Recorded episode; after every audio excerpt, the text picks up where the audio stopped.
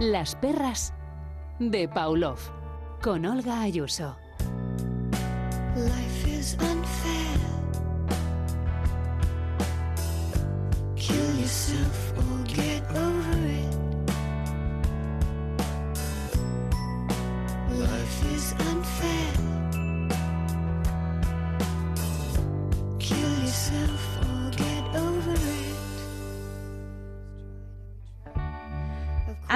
Muchos años yo le contaba a una amiga, fulanita se murió, y me dijo, no me digas de qué, que soy muy hipocondríaca. Y yo no, si fue un accidente de coche. Fue la primera vez que me encontré con alguien que me confesaba que podía tener cualquier enfermedad.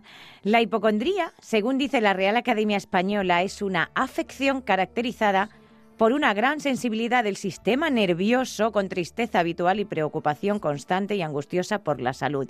Yo en lo de la gran sensibilidad del sistema nervioso ya me voy perdiendo y tampoco sé si siempre están tristes las personas hipocondríacas.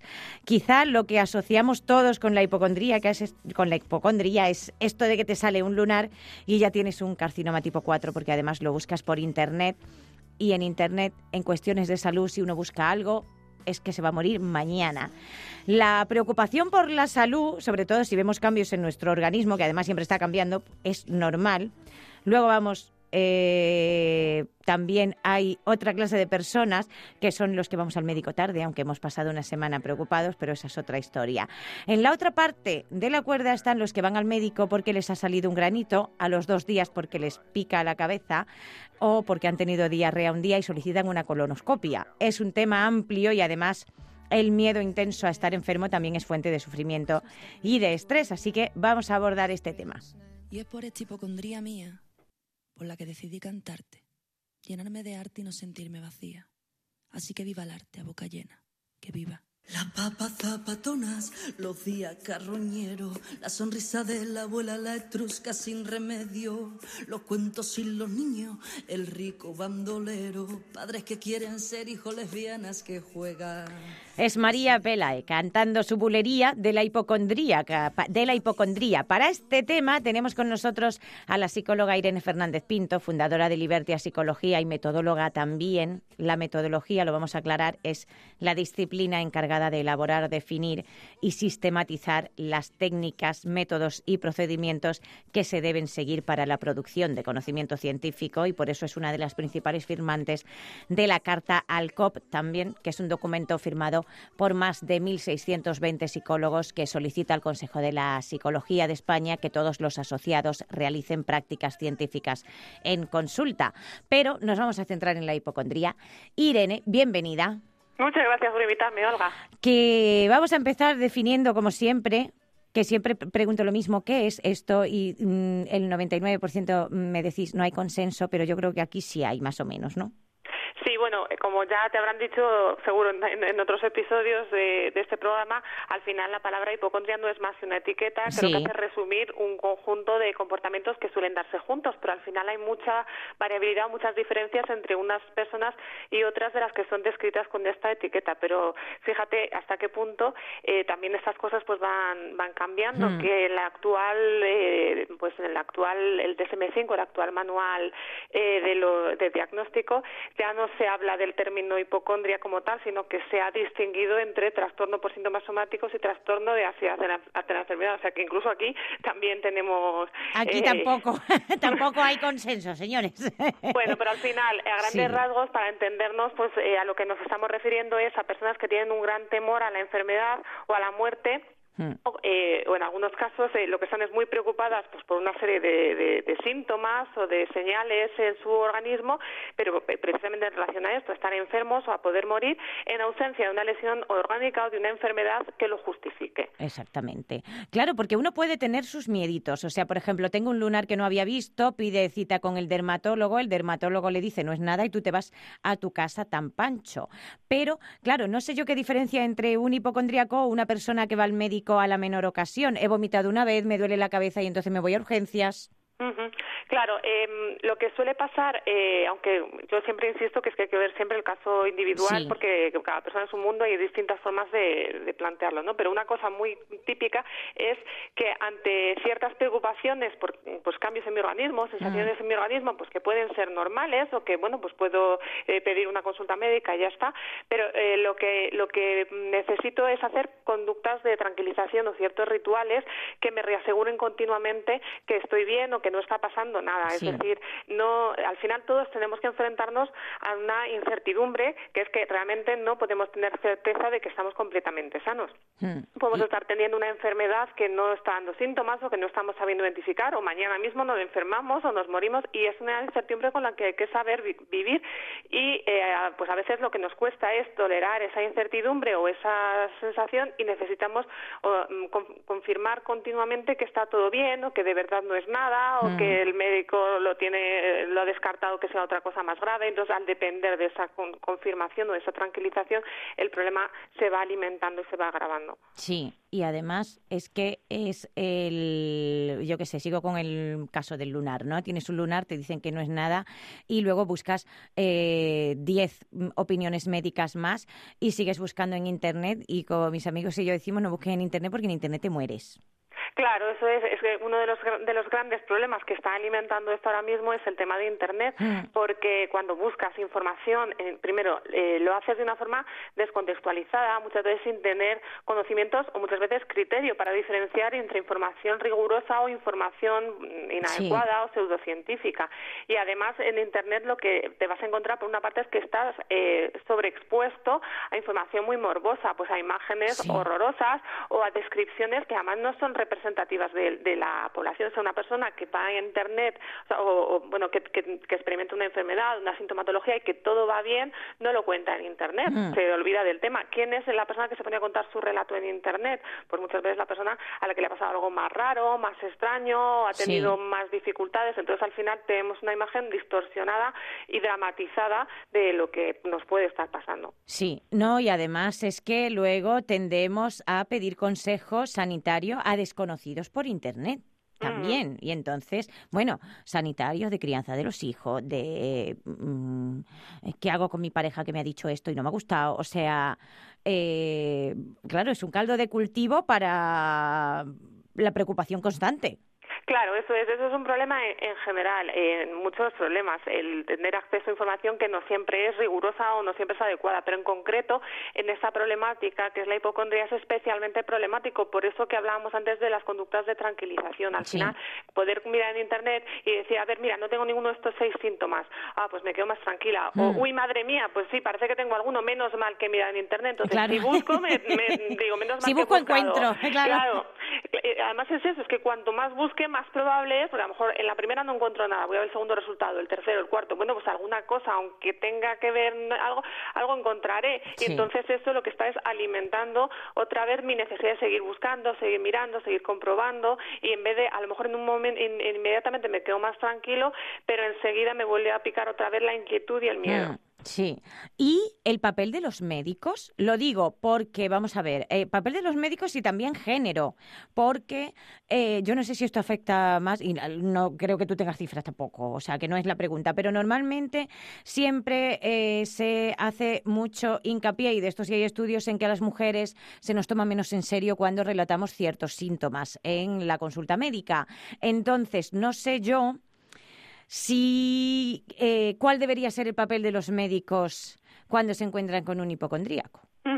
Pues mira, en concreto con el tema de los médicos, eh, lo que sí que se ha visto en algunos estudios es que estos pacientes tienden a generar un poco más de hostilidad en algunos profesionales. Y esto es así porque, claro, son pacientes porque van todo el día, y van, van todo el día muchas veces. Entonces requieren más paciencia porque además te hacen más preguntas, te insisten más y luego a veces te cuestionan más, pero porque precisamente ese es el problema, que no se quedan conformes y les siguen surgiendo dudas. A veces pues dudan más de, de lo que se les dicen, de los análisis, piden más segundas opiniones y entonces muchas veces los médicos o los profesionales reaccionan un poco a la defensiva con todo esto. Y yo creo que se suele caer a veces, eh, bueno, no se suele caer, muchas veces se reacciona muy bien, ¿no? Pero yo veo problemáticos dos polos. Por una parte, un polo que es descartar automáticamente esas preocupaciones, bueno, pues ya has visto que no te pasa nada, chimpún, y bueno, mm. pues es una exageración o no es para tanto, tal, con lo cual, eh, pues la persona lo que estamos haciendo es que, pues que se quede más intranquila y a veces recurra a otras fuentes mucho menos fiables. Y el otro polo es con la mejor intención eh, algo que haríamos con otro tipo de pacientes, que es pues darle toda la información que piden, responder a todas sus dudas, eh, tener mucha empatía, explicarles todo lo que necesiten, que a lo mejor en otro caso eh, está bien, pero en este caso puede acabar siendo parte del problema en vez de parte de la solución. Entonces, eh, lo que se, las pautas que, pues que yo mm, eh, creo que se le puede proporcionar a los médicos o en general a cualquier sanitario que trabaje con estas personas es, eh, por una parte, eh, empatía, es decir, esas personas realmente, genuinamente, tienen unas sensaciones, unas preocupaciones, a veces unos síntomas, unas dolencias, unos malestares que son reales y que les provocan sufrimiento. Entonces eso hay que reconocerlo como algo real, no es algo exagerado o inventado, sino que es algo que está ahí. Mm. Y luego, desde ahí, es importante diferenciar entre cuando damos información terapéutica, información útil, y cuando lo que estamos es prestando una atención inadecuada que lo que hace es mantener ese problema. Entonces, ¿qué sería una información útil? Pues sería una información que sea eh, novedosa, o sea, que no es repetir una y otra vez lo mismo, que sea clara, que sea concisa, ir muy al grano y luego no quedarnos simplemente en descartar lo que no te pasa, sino explicar qué es lo que sí te pasa, porque a veces la persona está teniendo unos síntomas, unas sensaciones que no son fruto de la enfermedad que teme, pero sí tiene una explicación fisiológica detrás, de unas cosas que está haciendo, de unos mecanismos de, pues, todo su sistema nervioso autónomo que si la persona conoce bien, es más probable que interprete adecuadamente. Claro. Y luego, por supuesto, una buena coordinación con los con los psicólogos, que eso también requeriría mayor presencia de los psicólogos, como ya se ha dado eh, aquí, en el sistema de salud. Claro, es que es lo que te iba a decir yo, digo, no, si lo ideal sería que estuviera el médico de cabecera y un psicólogo al lado. Claro, porque ahí, vamos a ver, no solo para personas que pueden venir ya con un eh, con unas conductas que le están causando sufrimiento, ¿no? Como el caso de la hipocondria, sino eh, para dar ciertas noticias, de, eh, para abordar, yo qué sé, ¿no? Pues el médico de atención primaria te dicen, pues tiene usted un cáncer de pecho, por ejemplo. Entonces, que sí que hacéis falta en el sistema de salud más en atención primaria que normalmente no hay. sí que normalmente no hay. Bueno y en el sistema de salud que hay pocos. Con lo cual claro pues esto es mm, un problema directamente porque realmente claro el, el eh, yo no, eh, eh, no sé si compararlas, porque a lo mejor la comparación es desafortunada, pero no sé si le pasa lo mismo a la hipocondría que a la fibromialgia. ¿Sabes? En el sentido que parece que es que tú te lo inventas. Claro, claro. Bueno, es un poco el, el estigma que tiene el, incluso la propia palabra hipocondria social. Parece que te lo inventas. Es más, a mí me hace mucha gracia una expresión que a veces se dice como esto es psicológico. Me duele. No, esto es psicológico, sí, es verdad. Claro, es psicológico, que significa... Acabáramos, claro. o es inventado, o es exagerado... O estás loca perdida, claro. Claro, o, estar loco, o no es para tanto, es algo de segunda, cuando en realidad, eh, bueno, lo primero, la experiencia de lo es que forma parte de, las, de cualquier enfermedad prácticamente. O sea, el, ser humano se comporta y ese comportamiento influye en cómo asume, experimenta, gestiona, etcétera, esa enfermedad. Y luego eh, el malestar psicológico eh, puede ser tan disfuncional o más que muchos problemas médicos, entonces no lo deberíamos eh, descartar. No, no, y además es que eh, te puede crear problemas de salud o sea, bueno, de hecho los crea, o sea que eh, es una cosa que hay que abordar. Claro, pero mira, esto que acabas de decir sí que me parece importante clarificarlo, porque mm. efectivamente crea problemas de salud, pero creo que tenemos que hacer mucha más pedagogía y explicar mucho mejor a la población pues cómo el comportamiento humano y las emociones humanas influyen en el organismo, pero de una forma eh, pues coherente con lo que se sabe a nivel científico y a nivel médico, porque cuando no se dan bien estas explicaciones eh, desde pues desde los médicos y desde los psicólogos lo que estamos es creando un caldo de cultivo para que proliferen pseudociencias. Y estoy pensando en concreto en la bioneuroemoción, que lo que dice es cosas como que pues, eh, cuando tienes enfermedades como un cáncer, ese cáncer es el resultado de una mala gestión emocional, que esto es algo que no, no es cierto y además, bueno, eh, además de generar culpa a las personas que tienen esas enfermedades, encima lo que nos lleva es un mal abordaje, un mal diagnóstico y un mal tratamiento de estos problemas. Entonces, yo creo que sí que es importante que haya más información de cómo funcionan y cómo influye lo psicológico en lo médico, etcétera, desde un marco científico, y que sea bien explicado. Sí. Sí, lo digo porque en mi caso no es cáncer, es colitis ulcerosa y también me han dicho que es que gestiono mal las emociones. Y tú dices, no vamos a ver, esto no se sabe por qué se produce y ya está, ¿vale? La enfermedad de autoinmunes tienen estas cosas. Pero sí es cierto que eh, también es que tendemos ¿no? a usar frases muy grandilocuentes y entonces yo creo que una persona, por ejemplo, en este caso que estamos hablando de hipocondríaca, que eh, ya tiene su plus de estrés y de ansiedad, eh, cuando se le dice esta frase ¿no? que hemos escuchado tú y yo mil veces, del estrés mata, pues ya, pues, pues mira, es que el estrés entonces me sube a nivel estratosférico. Claro, Claro, además fíjate qué frase tan dramática. precisamente parte del problema es que a veces dramatizamos las consecuencias de las cosas y encima me dice esa frase tan dramática. Entonces sí, hay que dar mensajes mucho más eh, eh, realistas, mucho más matizados y sobre todo que permitan a la persona tener un control sobre lo que le está pasando. Porque si el estrés mata, entonces ahora además de estrés que ya tenía, tengo estrés porque me muero. claro, para eso voy, digo. Y además es que yo creo que también estas frases, que bueno, las hablaba también con José Olid, ¿no? En el tema de la depresión. Estas frases que todos decimos bien intencionadamente, pero que no solucionan nada. No, tú no te preocupes, que ese lunar, vuelta con el lunar, que ese lunar no es nada, ¿no? Eh, yo creo que luego es un problema en el sentido porque sí que hay gente que con la que los médicos no saben tratar. En el sentido en que el médico te dice, mire usted, usted no necesita una colonoscopia, pero quieren la colonoscopia, porque han tenido diarrea un día o dos. Claro, a ver, por una parte sí que creo que es muy importante que siempre se haga un buen diagnóstico diferencial y se descarten problemas orgánicos, porque es muy, a veces puede ser muy tentador saltar directamente a la conclusión de la hipocondria cuando las cosas no me cuadran y es muy peligroso. Entonces, primero siempre hay que descartar eh, otro tipo de, problemas. Claro. Que tú tengas algo, exactamente. Eh, pero eh, cuando influyen otras personas, Irene, o sea, padres hipocondríacos que someten a pruebas al niño porque el niño le pasa algo. Claro, mira. Claro, ¿esto cómo lo abordas? Porque a lo mejor el padre piensa que a él no le pasa nada. Claro, yo, yo por, eso volviendo un poco al, papel de, los médicos, eh, yo creo que los, los, médicos pediatras o médicos de atención primaria son los que tienen eh, muchas veces la mayor información para detectar este tipo de cosas. Cuando se están pidiendo demasiadas pruebas o hay preocupaciones persistentes pero que no están justificadas y, cuidar mucho en no caer en, bueno, pues para que se queden más tranquilos, hacer pruebas innecesarias que otra persona no le harías porque no corresponderían, porque aunque a lo mejor a, corto plazo pues eh, generó cierta tranquilización, no, bueno, pues me quito a veces un poco esa persona de encima que está siendo muy insistente, a largo plazo estoy eh, generando o alimentando un problema, mayor preocupación y además esas pruebas a veces no son inocuas. Entonces, eh, tanto si es en adultos como especialmente cuando hay niños implicados, pues yo creo que hay que tener cautela y no hacer pruebas de más, simplemente para tranquilizar. Exactamente. Que, eh, bueno, hemos hablado de esto, ¿no? De, la, de que no toleramos la incertidumbre, del papel de los médicos, del estigma de la hipocondría. Eh, ¿Por qué mantenemos estos comportamientos? Bueno, que realmente el miedo, claro, es que primero mm, queremos controlarlo todo y segundo, eh, cuando vamos creciendo y te van saliendo las goteras, Irene, porque te salen, ¿sabes? Eh, tienes, mm, claro, tienes esta cosa de, ay, ay, mm", porque tú vas creciendo y se te va muriendo gente, entonces tienes esta cosa de, voy a cuidar mi salud, pero yo supongo que, bueno, aparte del abordaje ya sabemos siempre que tiene que ser individualizado y etcétera, etcétera, pero este mantenimiento de la consulta, de la consulta este mantenimiento de la mm, conducta, ¿por qué se puede producir?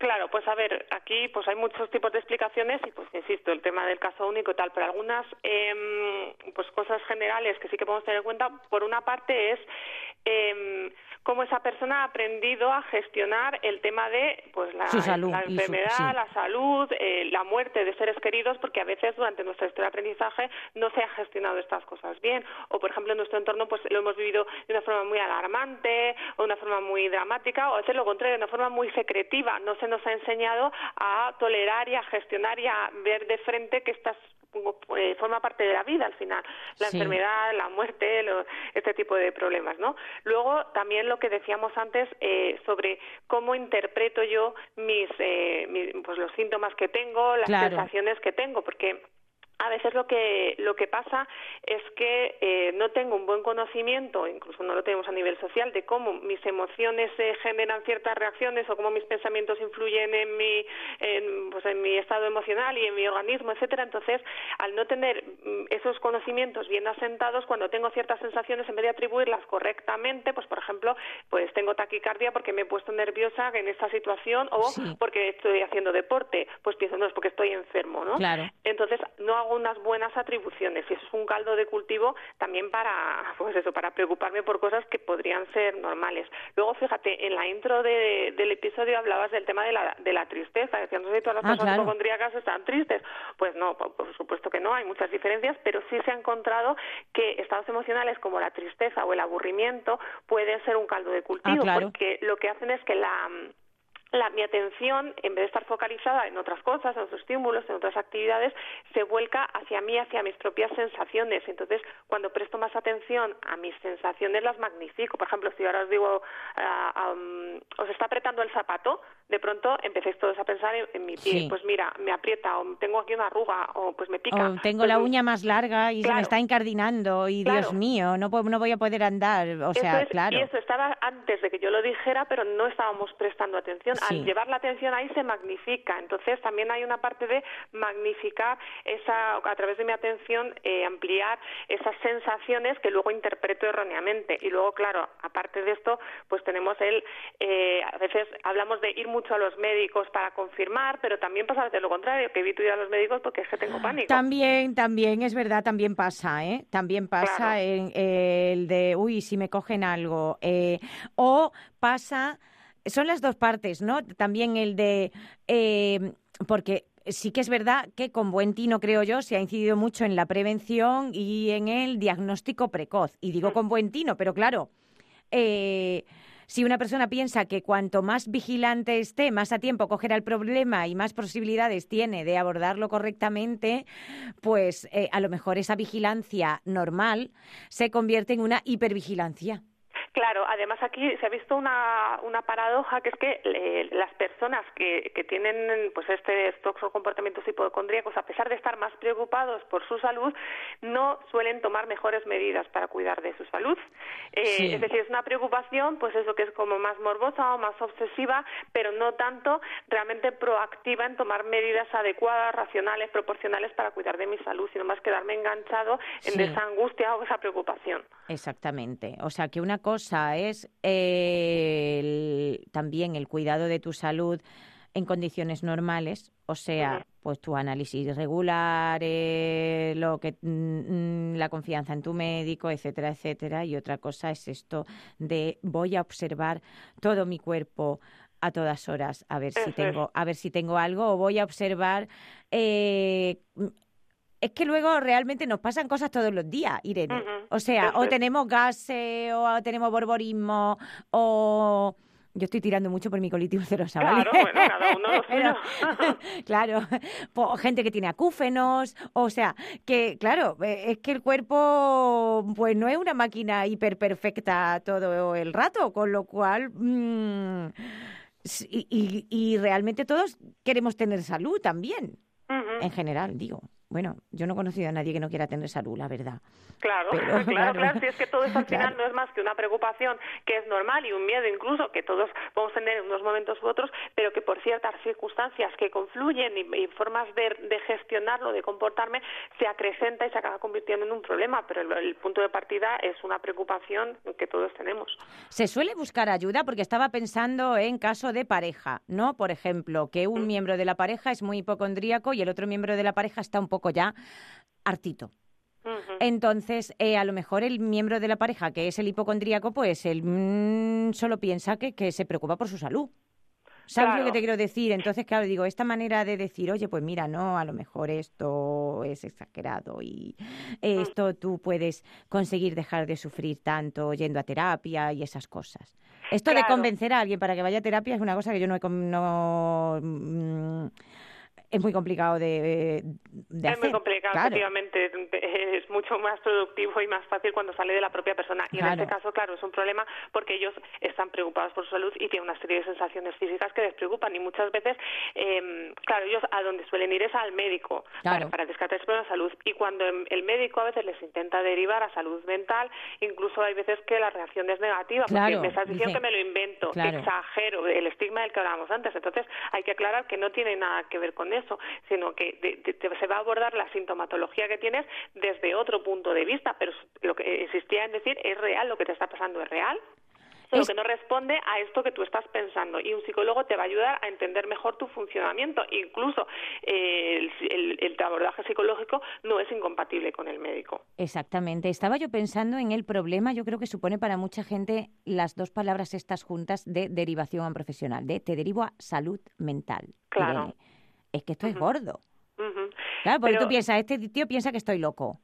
Claro, pues, por eso mm, tenemos que seguir haciendo mucho trabajo para quitar ese estigma y que no se vea de esa manera, porque no, no tiene nada que ver ni con ser loco ni con que sea una enfermedad inventada, si es que no lo es, es que, insisto, la sintomatología está ahí o las preocupaciones están ahí, la cuestión es que se va a abordar desde otro punto de vista, se va a abordar eh, incluso yendo, o sea, a través de la terapia psicológica, se pueden modificar eh, pues ciertas sensaciones que tienes, ciertas percepciones que tienes, eh, porque porque estamos cambiando el comportamiento y ese comportamiento está incidiendo en mi salud, está incidiendo en esa sintomatología. Entonces, eh, descartar y seguir trabajando para desestigmatizar y que se vea que es otra forma de abordaje y no tiene nada que ver ni con estar loco, ni con inventarse cosas, ni con que sea algo de segunda categoría. Sí. Luego, como recomendaciones generales también me refiero, eh, pues mantener un estilo de vida saludable, hacer ejercicio. Esto yo creo que será más eficaz para ocupar de la salud que no revisarte todo el rato. Lo que pasa es que, claro, si digo no revisarte todo el rato, pero es que a lo mejor no puedes evitar revisarte todo el rato, porque no sabes cómo evitarlo.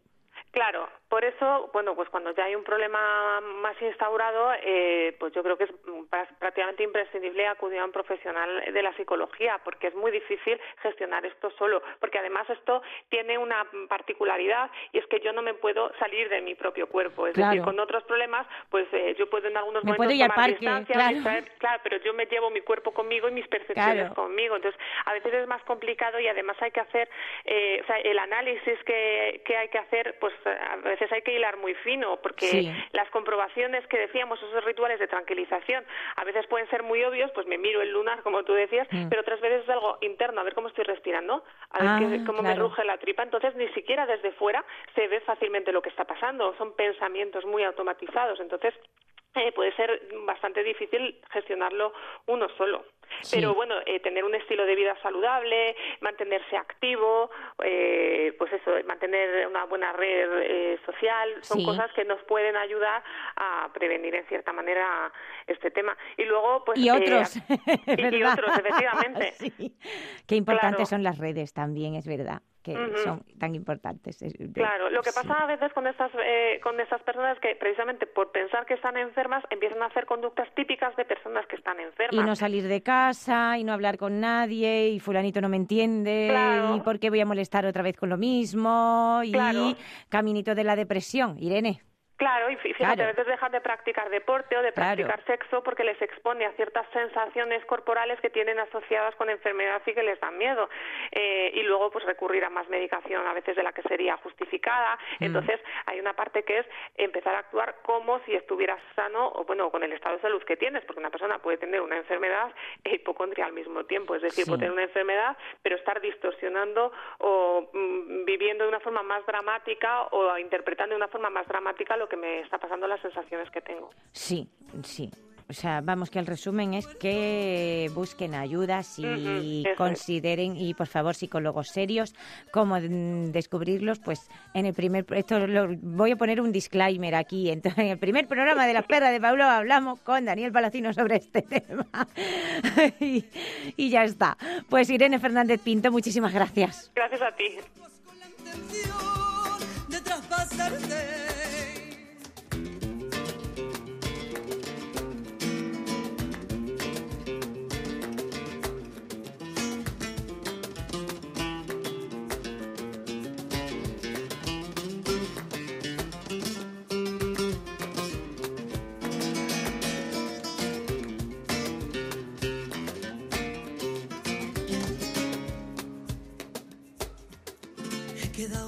Con el ángel negro.